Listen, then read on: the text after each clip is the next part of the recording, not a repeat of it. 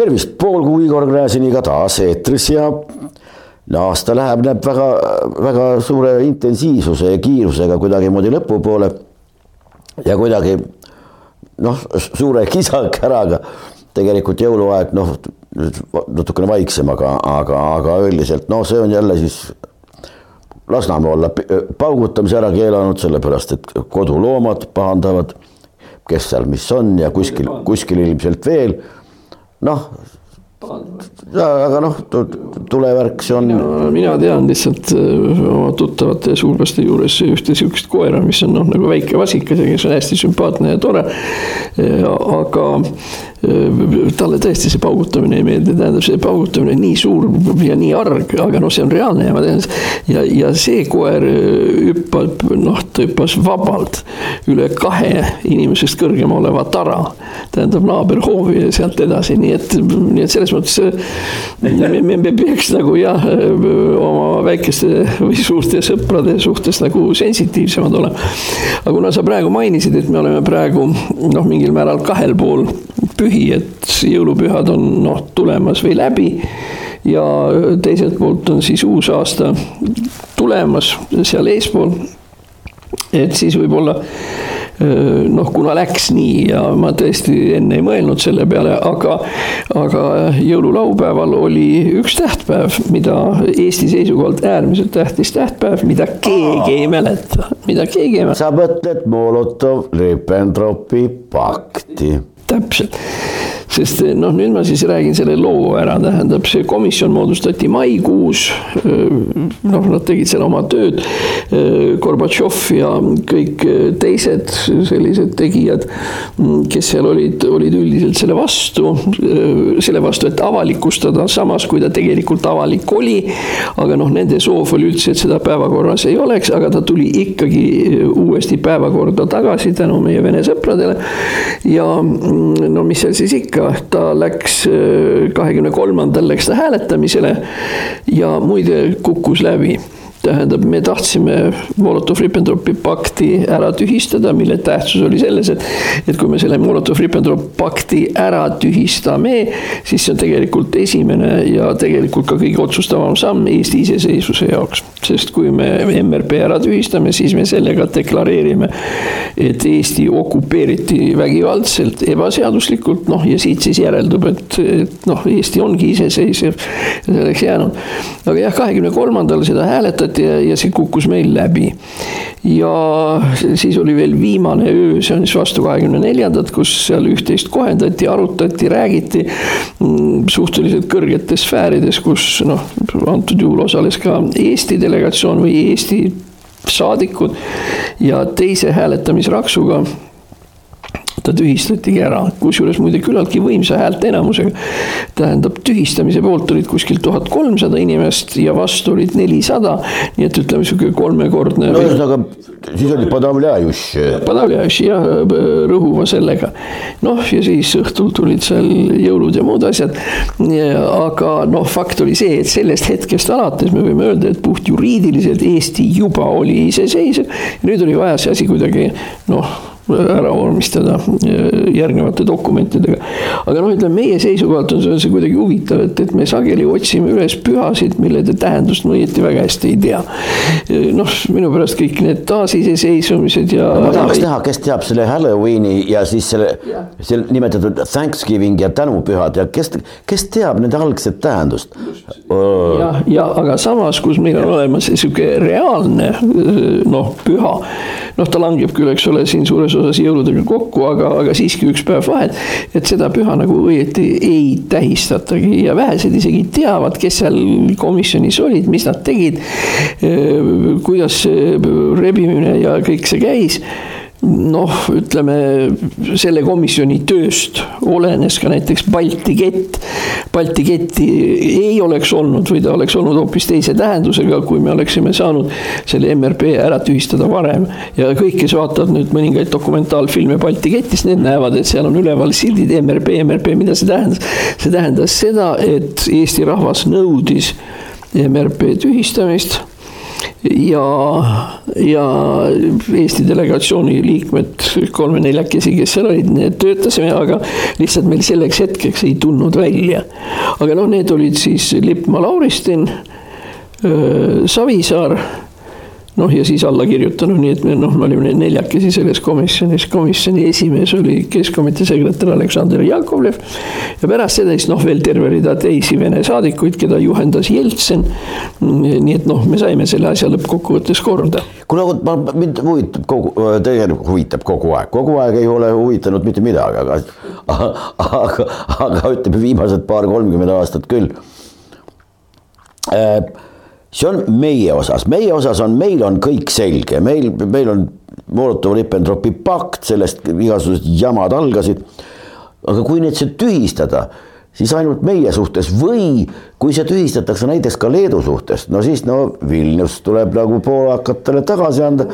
Lääne-Ukraina lõõn ja kõik see, tähendab Ukrainast tule, võetakse ära kõige rikkam, kõige jõukam tükk, kõige rikkam äh, vaieldamatult elanikud, sellepärast et seal käib praegu näiteks, käib kaubandus, mis ei allu mingitele reeglitele ja ja, ja mingid piiripunktid ei ole üldse mingisugused punktid ja, ja nii edasi, aga aga kuidas nüüd sellega on, ega see lepiti ju ka tol ajal kõik ja, kokku. no vot seal oligi see point, et tähendab selles noh, dokumendis, millega see värk kõik ära tühistati.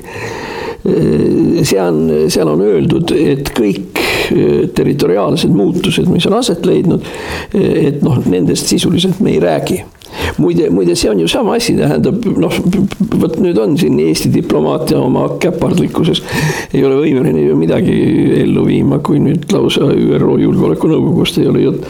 aga tähendab see diplomaatiline elegants ja mille ümber osaliselt ka jutt käis, oli see, et me tühistame ära MRP ja seal toimuvad noh, territoriaalsed hõlvamised või prioriteenie ja, ja nii edasi.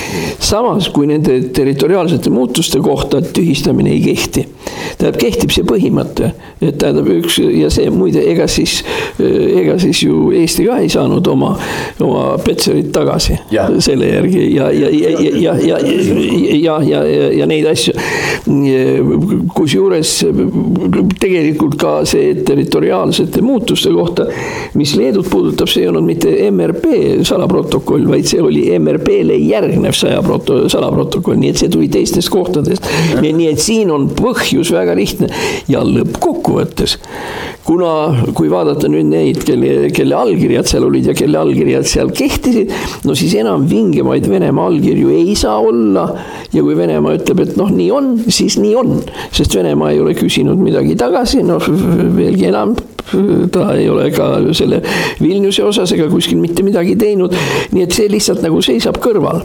ja vot see nüüd ongi see, kus Eesti diplomaat ei ole võimeline millekski hakkama saada. tähendab, nad ei ole võimelised lahutama piiriküsimust teistest Eesti-Vene suhete küsimustest, noh.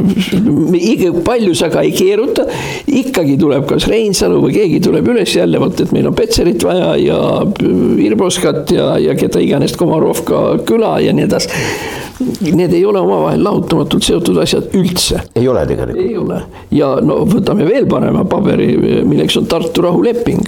see kuulus, mida tahetakse ikkagi noh välja mängida, Tartu rahulepinguga on ju ka tegelikult nii, et, et seal kehtib üks paragrahv ainult ja see on paragrahv number kaks. mis ütleb, et äh, Venemaa tunnistab Eesti iseseisvust ja et Eestile ei järgne mingeid kohustusi sellest, et ta kunagi kuulus Tsaari-Vene impeeriumi koosseisu see on see teine paragrahv. Aga esimene ja seal viies, seitsmes, kaheksakümnes, seal on ju igasuguseid muinasjutte, toredaid asju, seal on ju see, et, et Eesti saab seal, mis seal oli, tuhat. ei tohi kellegi kohta halvasti isegi öelda. kümme tuhat dessatiinu palgimetsat, veerikubermangus, mis Eesti pidi kõik saama, no ja vastupidi, nii et. nii et vot see nüüd ongi see, et Eesti diplomaatia ei ole võimeline noh, nägema ka lepinguid ja, ja noh noh, mingis koosluses, et lepingus on mitu punkti. ja et mõned punktid kehtivad ühtemoodi ja mõned kehtivad teistmoodi. ja vot antud juhul see see MRP tühistamine on musternäide selle kohta, kus üht-teist kehtis ja üht-teist ei kehtinud. ja, ja tähtis oli nüüd praegu see enne kehtinud osa tunnistada kehtetuks. nagu öeldi, ekstunk ehk alates sõlmimise hetkest alates ja vot see oli nüüd oluline. ja kui see nüüd on käes siis noh, teoreetiliselt nüüd alles hakkavad peale kõik need öö, muud arutelud, nii edasi nagu territooriumide jagamised ja, ja kõik see, sest noh, näiteks sa ütled noh, Vilniuse kohta, et, et mis seal kuni MRP-ni tekkimiseni ei olnud Vilniuse küsimus üldse arutatavgi sellepärast, et ta oli seal, seal sees. ja nüüd antud juhul Vilnius oli leedulaste huvides. aga et see ei ole üldse isegi arutatav. ja diplomaatiline tarkus ja selline osavus ja nii edasi, mis oli siis noh, tollel, kes me olime siis seal komisjonis ja seal komisjonis üldse. seisnes, selles seisneski, et nüüd ära jagada need asjad, mis on olulised, mis on ebaolulised, mis esimesena, mis teisena. noh, praegu me näeme, mis juhtus territoriaalse. kogu see, kogu see asi suurel määral ei ole praegu ikka mingisuguse selle sisepoliitilisele areenile mõeldud küsimus. võtame tagasi ühed, ei võta tagasi. sõlmime piirileppe, ei sõlmi, ratifitseerime, ei ratifitseeri, kuulame, ei taha kuuldagi. aga see, et kuidagimoodi noh no, ma ei. see siin ühesõnaga oleks võinud öelda niimoodi, et nüüd, kus see MRP no salaprotokoll langes ära ja noh, ta kehtestati otsast peale tühiseks. see pidi nüüd avama vajaduse korral, kui mõlemad pooled on huvitatud, läbirääkimiste tee, sealhulgas ka Petseri alade osas. Noh, Jeltsin natuke. no pagan võtku, see eeldab ikkagi proffe no see eeldab profi, aga see eeldab veel ühte asja, aususe momenti, mida Eestis tol ajal ei olnud. ma lihtsalt tuletan meelde, et, et Vene jaoks noh, ütleme tühja selle ühe või teise territooriumi saamisega siin see Irboska ja see tühja sellest, jumalakene, sul on teises otsas Siber, kuhu lennuk lendab kümme tundi. ja, ja, ja nüüd ütleme, võtta siis äh, mingisugune koht, kuhu auto sõidab kümne või noh, kuna teed on auklikud, siis noh, kahekümne minutiga seal Kingissepa või see no, no, no ongi ju jama, need ei ole võrreldavad. Äh, selles mõttes äh, küll aga oli tähtis tol hetkel järgnevate kujunevate suhete üldine meelestus ja iseloom, mille kõige karakteersemaks mille kõige karakteersemaks äh, näitajaks, millised olid siis Eesti suhted Venemaaga, on rublatehing tähendab, et teiste sõnadega noh, ühesõnaga Vene raha oli siin, ta oli siin Eesti Panga käes, ta oli siin olemas ja nii edasi. ja see. nõukogu esimees istub, istub praegu ju. No vot vabaduses no hea küll, no ühesõnaga no, no tehti ikkagi no täiesti külmalt lihtsalt see raha varastati puhtal kujul ära. ja pärast seda, kui see raha oli varastatud, see on siis faas üks, siis faas kaks oli see, et see raha müüdi kellele? müüdi kellele, Venemaa vaenlasele, tähendab Tšetšeenias. no ühesõnaga, see, see on, see on sigadus üks ja kaks ehk ka noh. ühesõnaga tegid hunniku ja siis heli, anna kella, küsi, paberit on naabri, naabriks, noh. enam-vähem ja, ja nii ta oli. no ja kui me nüüd paneme siia kõrvale selle näiteks noh, rublatehingu ja vaatame seda asja nüüd Venemaa poole pealt, siis noh, see ei ole eriti soodus kliima, et vestelda ka territoriaalsetest küsimustest, ühesõnaga raha te panite ka huugama hakkama, me anname teile kingisepa tagantjärele selga. nii et noh, juba see oli tegelikult täiesti välistatud. kusjuures see oli üks Jeltsini huvitav fraas kunagi siis, kui ma hiljem Moskvas olin, oli see, et ta ütles, et tegelikult me annaks teile selle Petseri tagasi, kui me, kui me teid vihkaksime. sellepärast, et ta ütles, et ma siin käskisin assistendil vaadata kümme minutit, mis on Eesti riigieelarve. et kui me anname teile selle Petseri, siis teil seda eelarvet lihtsalt ei ole. sellepärast, et kui arvestada, kui millised inimesed või noh, milline oli inimeste elatustase seal ja nii edasi ja noh, eks ole, kõigil Petseri elanikel siis see on siis kogu Petserimaal on see kuuskümmend tuhat inimest, nelikümmend tuhat ei tööta, töötukassa eks ole, sotsiaaltoetus, haigekassad, värgid, nii edasi, nii edasi. ja sa pead andma selle nendele inimestele, kes tegelikult no ütleme, ei ole tootlik elanikkond. ja selles mõttes muidugi see fraas oli Jeltsinist minu arvates natuke sihuke küüniline, aga kuna see toimus niivõrd eba ebaametlikus õhkkonnas, siis ta ütles, et, et kui, kui sa nüüd siit ära lähed või see, et siis täna õnn, et anna teile Petserit, sest te kisate nii palju, et, et ühel hetkel tuleb, ma ütlen, no võtke! Ja siis ma tahaks näha teie ja, ja, ja siis ma tahaks vaadata teie järgmise aasta eelarvet. Nii et, nii et ühesõnaga tegelikult Eesti suhted Venemaaga olid ikkagi üksjagu sellised mornid ja kurvad ja. aga see... mornid tänase päevani, oleme ausad. ja, aga no igal juhul, eks ole, see noh.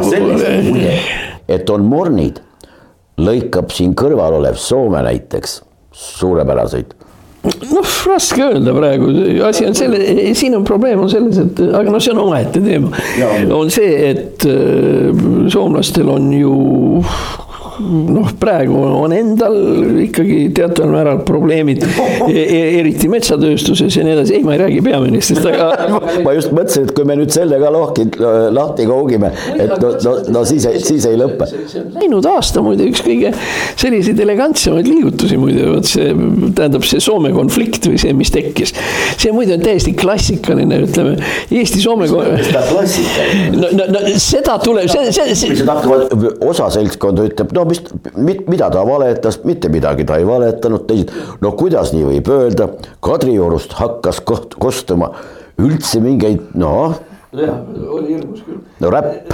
no, no vaata, asi on selles, et, et noh, ütleme see Soome teemaline repliik, mille tegi, mille tegi meie kolleeg Ringhäälingust Mart Helme ja rahandusminister ühtlasi Äh, on, on niisugune asi, et noh, ta ei öelnud tegelikult absoluutselt mitte midagi võrreldes sellega, mida öeldakse nüüd tänapäeval üldse. see väike lollikene. Toomas Hendrik ütleb who the fuck are bolts ja, ja ei ole sellest ei ole. ei ole ka midagi juhtunud. ei, absoluutselt. ja see kuueteistkümne aastane poolhull, plika, kes siin ringi aeleb ja, ja see tähendab, tema ju äh, kasutas väljendit, et äh, see seina äärde on vaja panna ja see pidi olema mingisugune väga tore sihukene Rootsi väljend. Rootsi väljend ongi, et kes on poolt, võivad käed alla lasta ja seina äärest ära tulla, noh. Nojah, jah, jah, jah, jah no ja ütleme Rootsi auks ja Rootsi, kuidas nüüd öelda, õnneks selles ajaloos võib öelda, et, et Rootsil pole kunagi olnud äh, korralikku sõda. järelikult ka sõjatribunali ja järelikult ka seinte ääres maha laskmist. Äh, tähendab järele. ja, ja nii, nii, nii, et siin nüüd öelda, et, et tüdruk nüüd ei teadnud, ta ei saa, et, et see on rootsi keele mingi tõlge, see ei saa rootsikeelne tõlge olla. see on ikkagi noh, nii palju isegi temasugune, kes ta sihuke pooltotakas on, on ju noh. ilmus pilt oli muide väga tore, et ta oli noh, tal tuba oli segamini noore inimese tuba, no ta võibki olla segamini, arvestades vanust ja no, rõivaste hulka ja, ja kõike ja aga voodist vaatas vastu mitte niisugune Vietnami mingisugune niisugune laiguline ja väga armas notsu, vaid kõige ehtsam siga, kõige suurem, no niisugune jah, ütleme sajakilone, tubli sajakilone orikas, ma, ma ei tea, kas ta orikas oli, aga aga võib-olla oli vana kultis. mis siis ela, elus või? elus loomulikult ja see oli tal voodis. ja, ja voodi ees istus siis Gretake, ühesõnaga see on tal niisugune uus peremudel siis. ma mäletan, kunagi näidati kuskil Vene televisioonis, et kui, kui jube ikka, milleni inimene võib langeda, kuskil mingi küla likvideeriti ära seoses sellega, et sinna tuli mingi elektrijaam ja veega ujutati kõik üle ja siis nad said mingisuguse korteri kuskil. ja naaber kurtis, et all, või kes elas all, üleval haiseb hirmsasti või tähendab mingit asja sealt tuleb, et noh, kontrollige ja ja siis ülevalt mingi pristavid tulid ja kontrollisid ülevalt, seal oli ilus saepuru oli maas, siga elas seal. Öeldi, et no saate aru, et siin ei kasvatata siga, aga mis seal viga siis on? see oli kurat, tähendab ja kõik itsitasid ja ütlesid, issand, kui ropp ja rõve. nüüd see on no,, palun väga, nüüd on. minul, minul on see seotud natukene minu lapsepõlvega, tähendab, ma olen sündinud Tartus Hermanni tänaval ehk siis tol ajal Lauristini tänav kaks korter neli teisel korrusel, noh nii nagu need kodanlikuaegsed, need nelja korteriga majad on siinsamaski Kalamaja kandis või kus iganes tehtud, nii edasi. ja siis, kui mu vanemad sinna kolisid siis need inimesed, kes sealt eest ära läksid, olidki pidanud teisel korrusel kahte siga. ja, ja täitsa ja, ja see on mingil määral see siga, kellest mul õrna aimugi ei ole, on mingil määral ütleme osa minu lapsepõlvemälestusest, sellepärast et, et teisel korrusel elav siga, seal oli muide kodanlikul ajal ju väga hästi tehtud korkpõrand vannitoas ja no ikka sihuke tõeliselt kihvt ja. ja see, ja see oli siis äh, üles tuhninud selle korkpõranda. ja, ja, ja, ja minu jaoks, kohe lülitan moobla välja ja minu, minu üks, üks selliseid kindlaid lapsepõlvemälestusi mm, oli see, et äh, isa istus õhtul põrandal vannitoas ja siis küll ta siis tegi seal betooniga või millegagi seal midagi pahteldas või see või siis asfaldiga seal noh, kattis seda põrandat ja nii edasi. nii et minu jaoks üks asi, mis ma oma isast mäletan, on tema istumine selle lävepakul vannituppa sisse minnes. noh, tavaliselt sihuke must ja määritud ja jälle tehes midagi selle põrandaga. ja põranda probleem muide oli selles, seisnes selles, et, et noh, hea küll, et üles tuhninud asi oli selles, et, et kui vett maha läks, siis see läks alumistele naabritele, tuli selga, nii et noh, me pidime kuidagi seda probleemi seal lahendama, kusjuures muide vannituba oli väga tore, tol ajal oli sihuke vann ja kraanikauss ja boiler ja kõik noh, väga tore sihuke kesk, oi, no paneme siis juurde kaks siga, kahte siga äh, peeti siis äh, selles, selles majas, kus noh, täpselt meil üle tänava elas äh, ilma seata helilooja Heino Eller ja siis veel paar maja vasakule oli see, kus oli elanud äh, Edward Tubin. ja meie kõrvalmajas oli Kaarel Ird ja natukene sealt edasi oli kergejõustikutreener Fred Kudu. ja noh, kui, kui läbi käia, siis malesuurmeister Ivo Nei, Ivo Nei ja, ja nii et noh, kolm maja meist edasi seal siis kasvas ja kosus tulevane Eesti peaminister Mart Siimann, kes meie juures sealt möödas käis ja siis Muhel, kes oli Eesti, Eesti-Vene sõnaraamatute autor, Valdemar Muhel, V.E. Muhel ja, ja kõik see. nii et, nii et see nüüd on siis see naabrus, mitte mingi muu poosetamise pärast, vaid sellepärast, et, et just nimelt selles naabruses elas teisel korrusel kaks siga. nii et noh, selles mõttes on ja, ja nuid. aga noh, aga hullus on, hullus on hea. hullus on see, aga nüüd ütleme siis jah, vot ütleme läinud aasta üks, üks eriti hull näide on muidugi on see Greta, kes on tegelikult öelnud hullemini ju noh, kui kes iganes siin Eestis. aga, aga noh, hea küll, Greta on kuusteist vist minu teada, ta jaanuaris pidi saama seitseteist. see on nüüd nagu üks asi, aga siis teine, kes ka oma ütlemisega nagu eelmisel aastal peaks nagu ajalukku minema, on siis Prantsusmaa president Emmanuel Macron, kes. ajusurm või? Ei, ei tema ütles, tema ütles, et igasugused need parempoolsed, kes seal on, noh, meie mõistes siis EKRE ja põlissoomlased ja, ja nii edasi, kelle kohta ta ütles. et tähendab, et neid ootab giljotiin oh mis on, mis on muide isegi hullemini öeldud kui noh, EKRE kunagi. Nii et ühesõnaga me peame aru saama, et EKRE ei olegi ka ajalooliselt mitte midagi öelnud. peade veeremise kohta on prantslastel giljotiin ja Grete paneb siis seina äärde ehk ühesõnaga mahalaskmine. nii et noh, võiks öelda ainult seda, et, et mingil määral no kaks asja, et, et esiteks on EKRE täiesti selgelt ja ühemõtteliselt oma käitumises oluliselt viisakam. konservatiivsed inimesed on džentelmenid ja nad käituvad nagu džentelmenid ja see, kui nad kasutavad ühte või teist kirjanduslikku väljendit, ei muud asja, sest noh, nad on ja, ja no ei saa ju ometi öelda, pane, võtta siitsamast telekast, võtta Macron vasakule ja EKRE paremale ja no sa näed, et, et ühtesid on nagu korralikult kasvatatud, aga teistega on nii nagu on. nii et võib-olla see on noh, muide see igasuguste väljendite kohta, mis järgmise, mis eelmisest aastast meelde jäävad või sellest, mis praegu käimas on. on, mõtleme selle peale, mis juhtus Eestis siis, kui läks põlema Vao põgenikekeskus oi, oi, oi. ja siis ja tähendab ja pane tähele ja pane tähele ja nüüd on siis niimoodi, et et isegi president Ilves, kes oli noh pead, jalad, kõik mõtlemist ja sehkendamist ja arutamist täis. ühesõnaga sel ajal, kui ta sehkendas endale Ärma talu jätkus tal nii palju selleks kolmeks minutiks, et öelda, et kui piinlik ja kui halvasti ja kõik need asjad on. muidugi pärast seda ta kohe siirdus jällegi Ärma talu finantsskeemidesse. aga, aga noh, aga need kolm minutit, et öelda midagi halvasti, oli tal olemas. muide, see on ka kahjuks, ma pean ütlema, minu endise erakonna äh, juht äh, Taavi Rõivas, minu arust muidu väga tore poiss. aga, aga läks ka, sest ka tema hakkas rääkima sellest, kuidas tal on Eesti rahva pärast häbi ja kui õudne see Vao, Vao asi kõik on ja nii edasi, nii edasi. ja lõppkokkuvõttes noh, kui nii võtma hakata. mis seal siis juhtus? mis seal siis juhtus? sellepärast, et noh, võta, löö lahti tavaline mm, uudistesaade, ütleme Eestis. lööge mm, lahti Svenska Nyheteri näiteks need mm, podcast'id ja nii edasi, mis toimub Rootsis. tähendab, Vao põleng ei ole Rootsis sündmus sellepärast, et teda lihtsalt elementaarselt ei ole.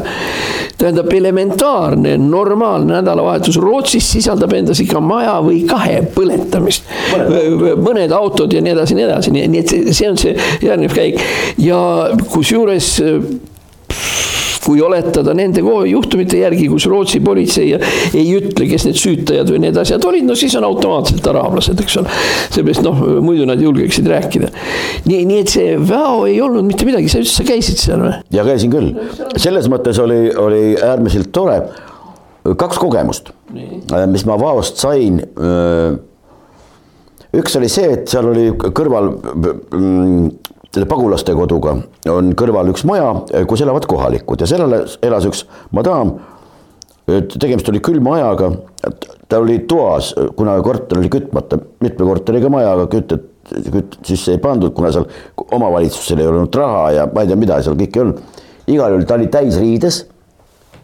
rätik oli ümber pea, kasin toidulaud seal ja, ja siis vaatasin sealt alla paistis sealsamas vastas oli see maja, kus siis Maika särk väel kõndisid toas ringi need pagulased, ma ütlesin, kuidas see pilt teile tundub?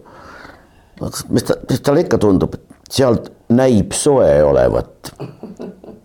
no oligi kõik, ega ta ei, ega ta ei kaevelnud ega midagi. aga, aga, aga vot tol, tol hetkel ma tundsin, kuidas mul hakkas endal nagu, nagu paha ja siis oli teine lugu ja seal on üks kohalik kauplus, mis on vanast ähm, mõisaaidast on tehtud. ja, ja seal ees oli selline kuulutuste tahvel, tead nagu maal ikka, et kes müüb seal koera, kes on, otsib koera ja, ja kes tahab võib-olla isegi abielluda. no, no mingi, mingi, mingi niisugused. ja seal, kus tavaliselt seisavad ikka mõned külamehed, arutavad maailma asju, võtavad sinna juurde mingi õlle või, või mõne muu asja või seletavad lihtsalt niisama ja need tumedamad mehed, tulnukad, need tulid ka sinna seisma, no et ma ei tea, see on siis no ju on mingi kohaline komme. ja ei olnud nii, nagu oleks näiteks olnud kuskil Soomes või Venemaal, kus nad oleks esimese asjana kere peale saanud. see on noh, maavärk, no mis siin, räägime nii, nagu asi on. et mida te siin, see on meie koht ja te minge seiske näiteks seal või seal või seal või seiske ükskõik kus koha peal. ei. poemia seletas hoopis meie omad läksid minema. ei, ja siis need noh, teised seisid seal ka natuke vastu, teid enam ei ole. ja siis lõpptulemus oli see, et midagi, kedagi enam ei olnud. ja siis ongi keegi, kellegi tuntud fraas tuli mulle meelde, et ühed on eesminejad ja teised on eest äraminejad ja meil on ikka tegemist eest äraminijatega rohkem. aga muide, ega, ega see vaolugu, sealt tuli üldse välja, kes selle põletas? ei olnud seal mitte midagi, lõppkokkuvõttes võis olla, et nad ise panid ja noh, nad tahtsid sealt minema minna. see, see kohalik kliima ja, ja mitte ainult füüsiline kliima, vaid ka, ka kõik see niisugune atmosfäär siin on mujalt tulnutele üsna, üsna rõhuv, ma olen paljudega juttu rääkinud, nad ütlevad, nad ei saa aru, nad ei saa aru no mõnes mõttes ongi hea, et ei saa, noh, mis, mis siis ei olegi siin nagu suurt midagi teha. aga teisest küljest, ega me ise ka teinekord aru ei saa, mis siin nii väga. no ja Ni. niisuguseid kollegiaalseid suhteid inimeste vahel annab ikka, ikka, ikka otsida ja koostööst ei räägi suurt keegi. No, konkurentsist ainult. suhteliselt no ütleme neil päevil siin kuskil ma sattusin ka tööalaselt rääkima sellise keskealise või kergelt vanemaealise abielupaariga, kes on tegelikult noh, kultuuriliselt meile no, ütleme no nii lähedane kui üldse saab olla, nimelt ukrainlastega. sest kui me mõtleme Ukraina selle uniaatliku, Poola-Ukraina uniaatliku kiriku, mis on tegelikult ütleme, vene õigeusu ja katoliku õigeusu süntees. vot, vot see on vormilt ja sisult, ta on vormilt on õigeusklik ja sisult on ta Poola katoliiklik, noh. jah ja aga noh, igal juhul nagu, nagu ma nende jutust aru sain, tähendab neile muide on ka põhimõtteliselt igatepidi vastuvõetav ka luteri kirik, noh kuna noh, seal on, eks ole, kõik need ökumeenilised tendentsid olnud juba seal sada, kakssada aastat nende kahe slaavi rahvakiriku vahel ja nii edasi. aga no siis, siis nagu läks üldse jutuks, ütlesin, et kuidas siin Eestis on ja, ja väga hästi, mees töötab kraanajuhina kuskil ehituses ja abikaasa töötab poes sellesama kuri, kuri, kurikuulsa kassapidajana. nüüd vaatan iga kassapidajat niisuguse näoga. siin, siin ta nüüd ongi, tulevane. peaminister ja nii et ja noh, ja siis kuidagi noh, rääkisime, kuidas elu läheb ja, ja see ja, ja nemad olid üldiselt olid, olid põhimõtteliselt igatepidi rahul, et noh, kõik tore ja korras, et, et noh, kliima on vilets, no seda me teame isegi. ja mm, et noh, nende jaoks nagu nad ütlesid, et tegelikult noh, kõige raskemini talutav ja tajutav probleem on see, et inimesed ei suhtle omavahel nii, nagu üldiselt nemad on harjunud suhtlema. noh, nad läksid kuskile majja elama, kus äh, nad said, äh, firma andis, need ei olnud põgenikud, nad tulid siia. kus majas oli kas kaheksa korterit või midagi ja neile antis vaba korter firma nimel ja firma poolt ja noh, nii et sellega on kõik rahul ja see. see, et noh, nii imelik ja nii jube oli, kui see, kui see daam mm, noh, küpsetas siis äh, liha ja sibulapirukaid putukaid ja ma ei tea, mis asju iganes, hästi suure kausitäie. siis koputas ustele, et noh, et pakkuda naabritele noh, noh neid pirukaid. ja nagu ma aru sain, siis see vastuvõtt oli sihuke mõnevõrra noh, kuidagi imelik. kusjuures noh, parem variant oli siis see, et, et vähemalt noh, keegi seal võttis viis-kuus pirukat nii, nii ja siis, ja siis ütles, palju nad maksavad, nii et tema sai aru, et need käivad nüüd müümas.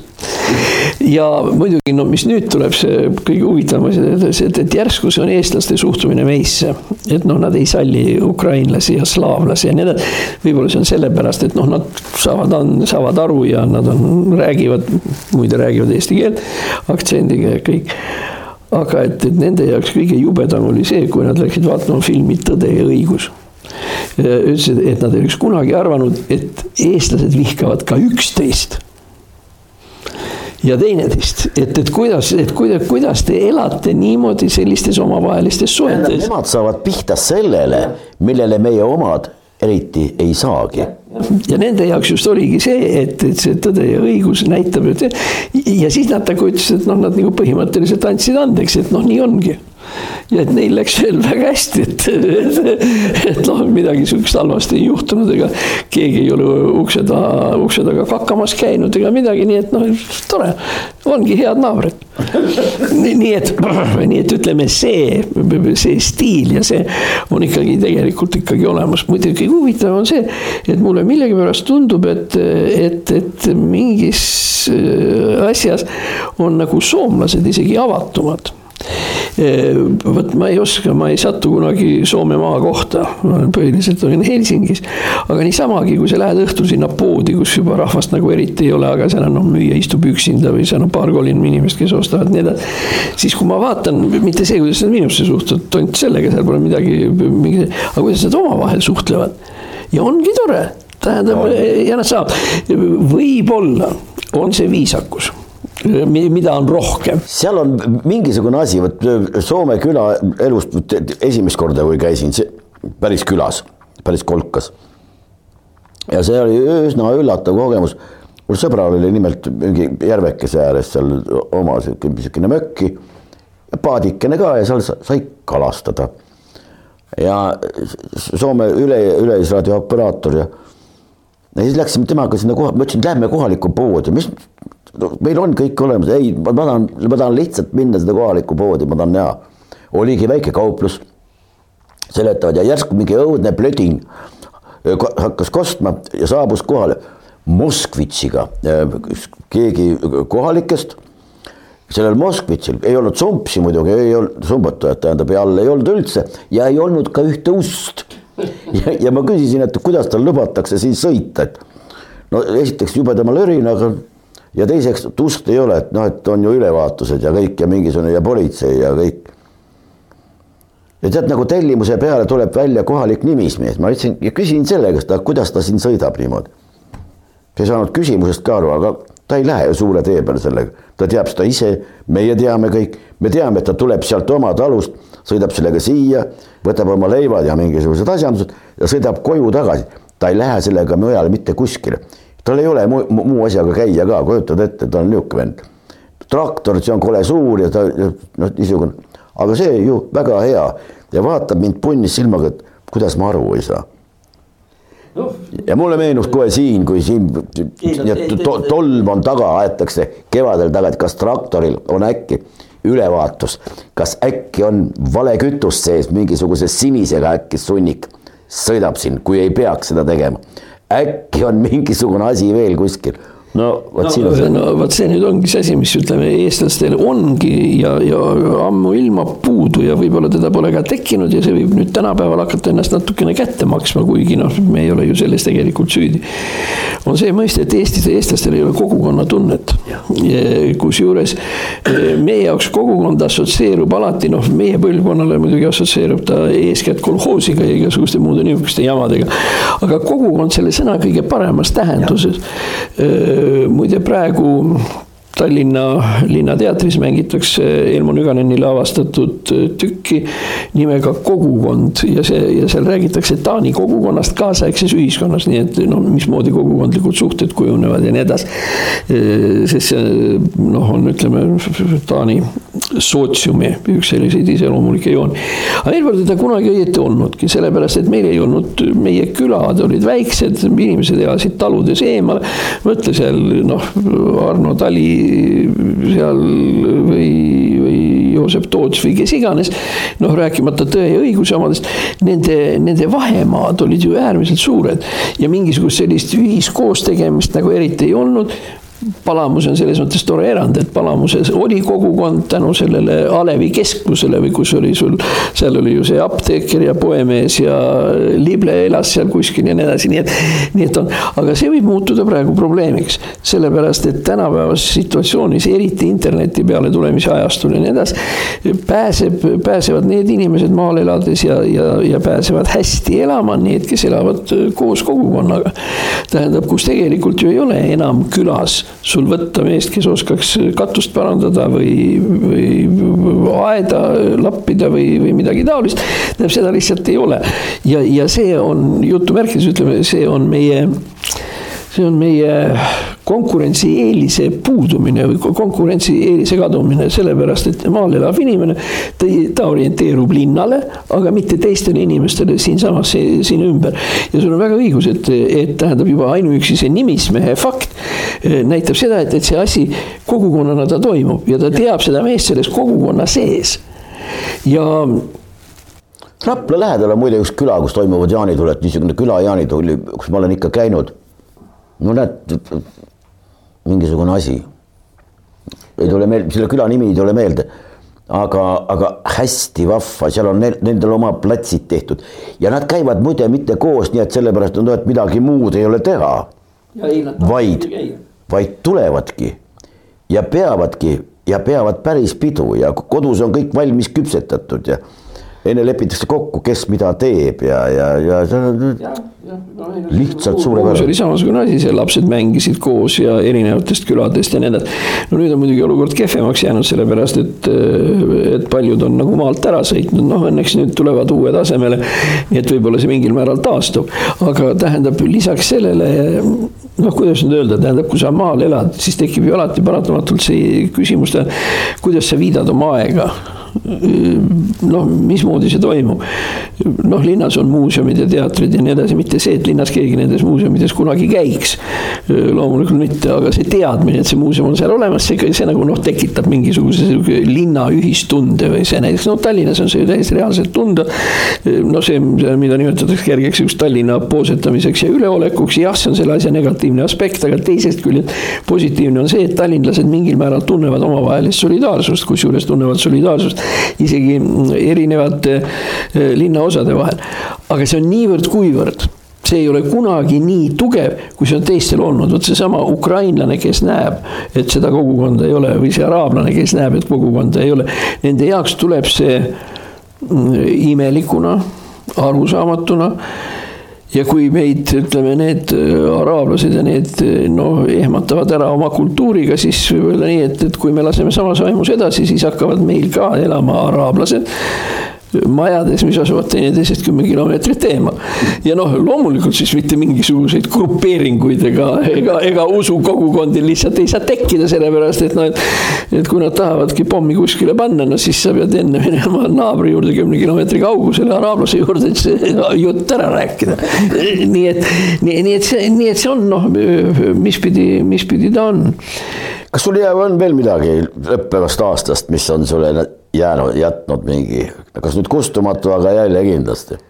no eks ikka mõni, tähendab, siin tuleb, ma lihtsalt pean meelde tuletama seda, et tähendab, aasta algus oli mul kapitaalselt teistsugune, sellepärast ma olin ikkagi ma olin ikkagi Euroopa Parlamendi liige sel ajal veel ja, ja mul seisnes veel viljakas ja töökas uusaasta, uusaasta ees. noh, ütleme negatiivne ei olegi nagu midagi väga positiivset, aga, aga noh, lõppkokkuvõttes just nimelt täna nendel päevadel aasta tagasi oli ka terroristlik rünnak Strasbourgis, mis ju leidis aset siis ja noh, ei olnudki seal Euroopa Parlamendis ei olnudki seal õieti mitte midagi eriti huvitavat.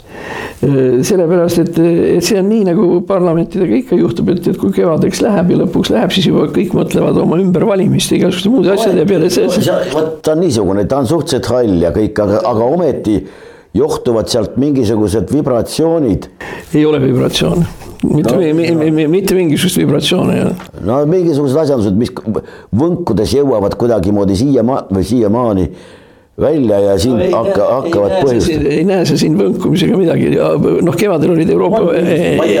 mul on hakanud tunduma üha rohkem, niipea kui ma kuulan neid, neid sõnu äh, väärtused ja kõik see muu, siis millegipärast üha enam neid keegi ei identifitseeri, keegi neile nimesid ei anna aga üha enam tundub mulle, et aga need on täpselt muutuva Euroopa huvide täpsed koopiad. see nüüd ei ole naljakas või lõbus asi, see on tõsine asi, aga väga sümpaatne samas, sümpaatne ja tõsine. nüüd selle aasta kevadel, ütleme veebruaris-märtsis käidi Euroopa Parlamendi ruumides või seal lähedal välja üks idee, mis võib Eesti seisukohalt teatavat huvi pakkuda. No.. nimelt noh, esiteks muidugi Eesti suur õnn on Brexit tähendab see, et see Brexitiga nüüd kõik korda läks, Nigel Farage, palju õnne, tubli poiss, midagi pole öelda. ja nad teevadki selle kõksu üks-null ära ja kui nüüd tulla tagasi selle mm, teema juurde, mis oli,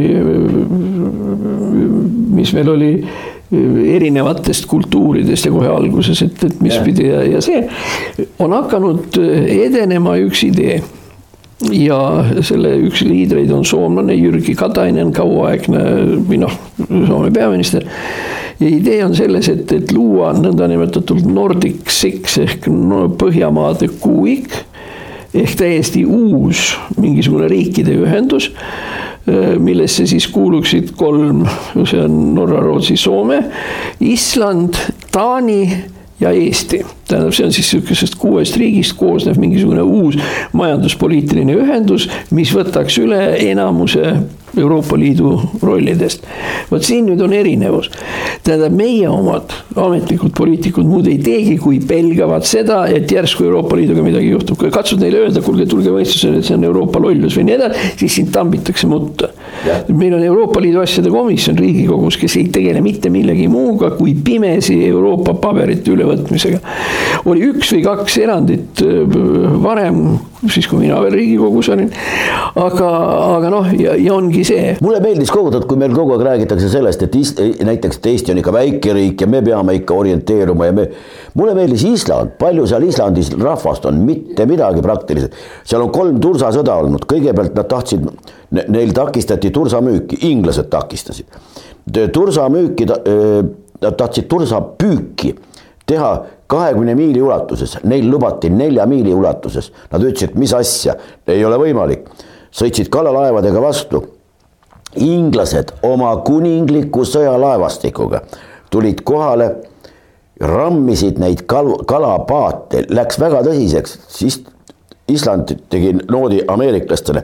nüüd, kui on niisugune jama, et läheb selliseks noh, otse konfrontatsiooniks siis me lõpetame teie baaside eksisteerimise, Keflavik ja seal on õige mitu baasi. paneme need siin kinni, otsekohe onu Sam kutsus kuninganna noh, nii-öelda piltlikult välja, tõmmati tagasi, anti nelikümmend miili. siis tehti veel mingisugused järeleandmised, inglased ähvardasid veel korra islandlased omakorda näitasid hambaid ja täna on tulemus see, et inglased on sealt väljas ja islandlased püüavad kahesaja miili ulatuses vabalt tähendab. mulle, mulle see taust ei ole nagu selles mõttes päris selge, majandustsoon peabki kakssada muidu olema no,. nii et, nii et seal ei olegi teisi variante, tähendab no, territoriaalne.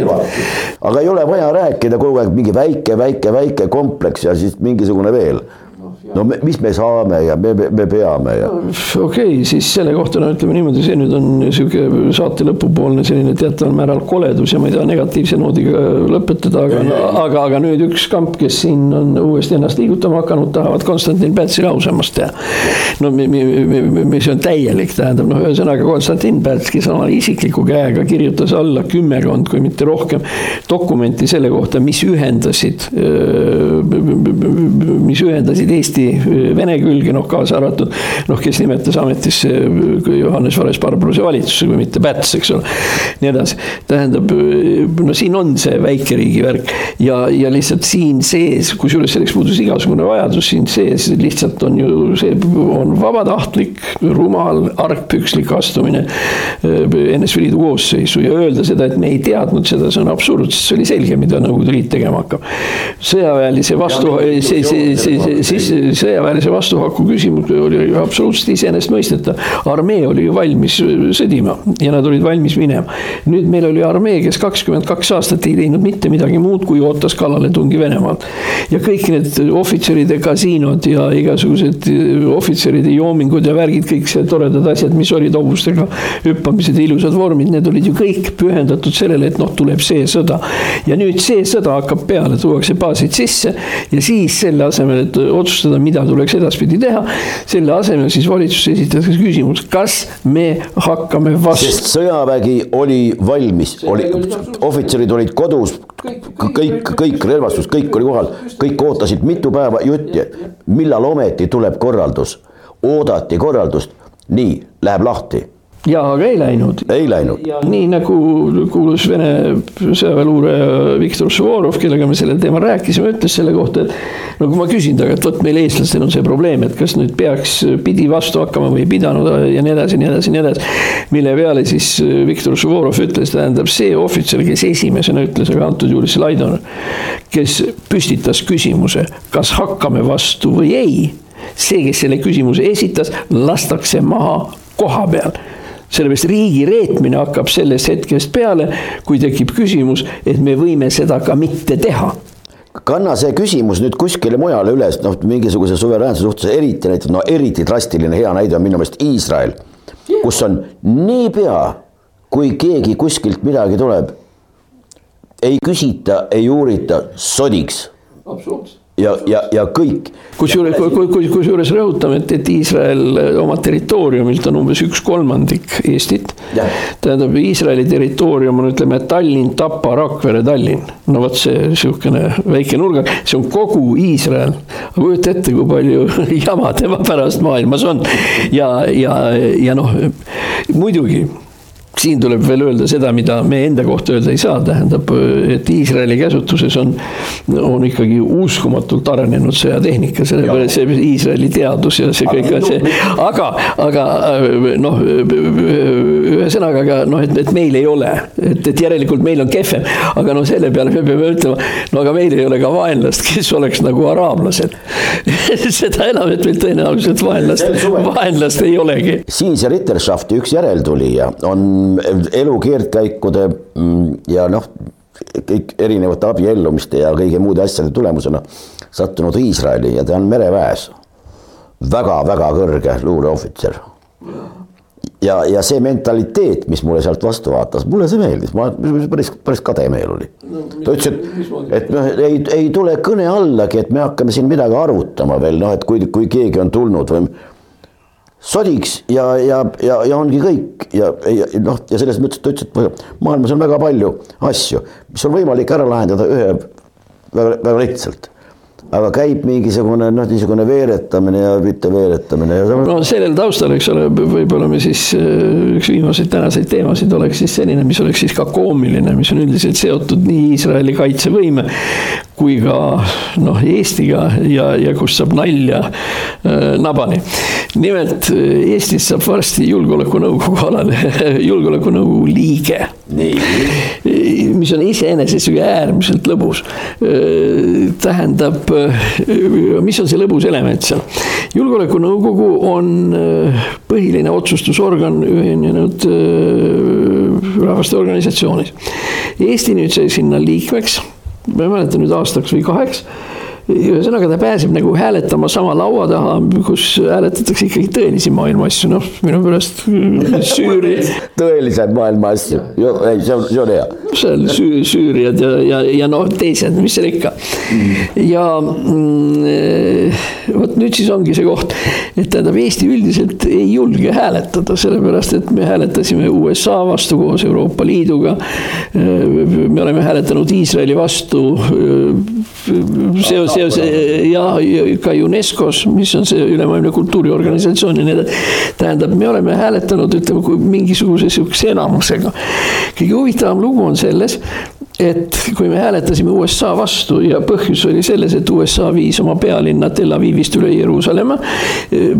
noh, mida väga paljud Iisraeli, Araabia sõbrad ja nii edasi ei, ei tunnusta, siis, siis Eesti häbelikult ütles, et, et meie ka ei lähe Jeruusalemma, üldse oli kuskil kuus riiki, kes läksid koos USA-ga, keegi pidi olema siit Euroopa uutest demokraatiatest, ma ei kujuta ette, kas Ungari või, või keegi veel oli, siis ma ei tea, kas Leedu jäi erapooletuks, see oli kuidagi väga huvitav kombinatsioon, aga Eesti hääletas siis USA vastu.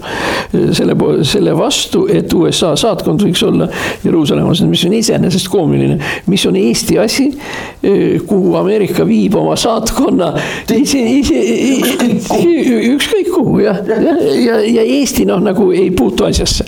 aga nüüd tuleb järgmine kihvt koht, järgmine kihvt koht, vot noh, ma ütlen, kuskilt peab nalja ka saama, järgmine kihvt koht oli see, et, et keegi nutikamatest ERR-i žurnalistidest esitas siis äh, Mikserile küsimuse, et noh, et, et mis siis nüüd, et me läksime nüüd Ameerikaga vastuollu või see ja nii edasi. ja nii edasi ja Mikseri vastus muidu praegune, vot kes esindavad meid praegu Euroopas, jumala eest. Mikser, jah, Mikser esindab meid nüüd Euroopas ja tema siis sellise vapra Eesti diplomaadina ütles, et, et me loodame, et USA seda hääletust ei märganud see, see on ühesõnaga nagu ma ei tea, see. see on kvintessents diplomaatiast ja, ja veel millestki, millele ma praegu noh, nime ei oska anda. Aga kokku need kaks mikstuuri enam diplomaatiaks küll ei kõlba. ei kõlba jah, nii et, nii et ühesõnaga ma ei tea, kuidas nad nüüd seda asja kavatsevad tulevikus tegema hakata, sellepärast et ütleme siis nii, et selles julgeolekunõukogus võib neid hääletusi veel tulla selliseid, selliseid riskantseid. Ja seal võib neil veel olla. Ja, ja siis nad ei julge ju siis seda hääletada ja see, see, siin tekib ju tegelikult täiesti loogiline küsimus, et, et noh, no mis sa tükid sinna? no mis sa tükid sinna, kus on pahandus ees? Ja pahandusi võib tulla ja pahandusi, eriti selliseid, tähendab, kus on valida kas Euroopa Liidu või USA vahel, kus USA on meie strateegiline partner number üks iga kandi pealt, kus Euroopaga on niimoodi, et, et Macron ütleb, et NATO ei kõlba kuskile ja on ajukääbik ja mis iganes ja nii edasi. ja sellest situatsioonist tuleb siis Eestil hakata midagi ütlema, seepärast sa ei saa ÜRO-s julgeolekunõukogus kogu aeg olla erapooletu. miks ei saa? Ei, ei no see noh, hea küll, see, see ei ole noh, see mitte, mitte niivõrd, aga no, no mis sa tükid sinna, kus kohas sul ees ootavad pahandused, seal, seal hakataksegi hääletama, mis nad siis teevad. nii, millega me lõpetame, me soovime vast äkki head vana aasta lõppu, vaatamata kõigile lõbusat meelt, iseseisvat mõtlemist no noh, mis veel? ei no ütleme niimoodi, et, et mõelge selle aasta üle järele ja te saate aru, et tegelikult ei olnudki võib-olla see aasta kõige hullem. ja noh. no mina, mina kui selline noh, ristiinimene ja kristlane, ma ütleksin niimoodi, et, et mina vana aasta lõpul panen silmad korraks kinni ja ütlen aitäh, Jumal selle aasta eest, oli päris tore aasta ja kui sul peaks minu jaoks veel mõni varuks olema, siis palun anna veel. loodame, et nii lähebki, kõik see, kõik see paremat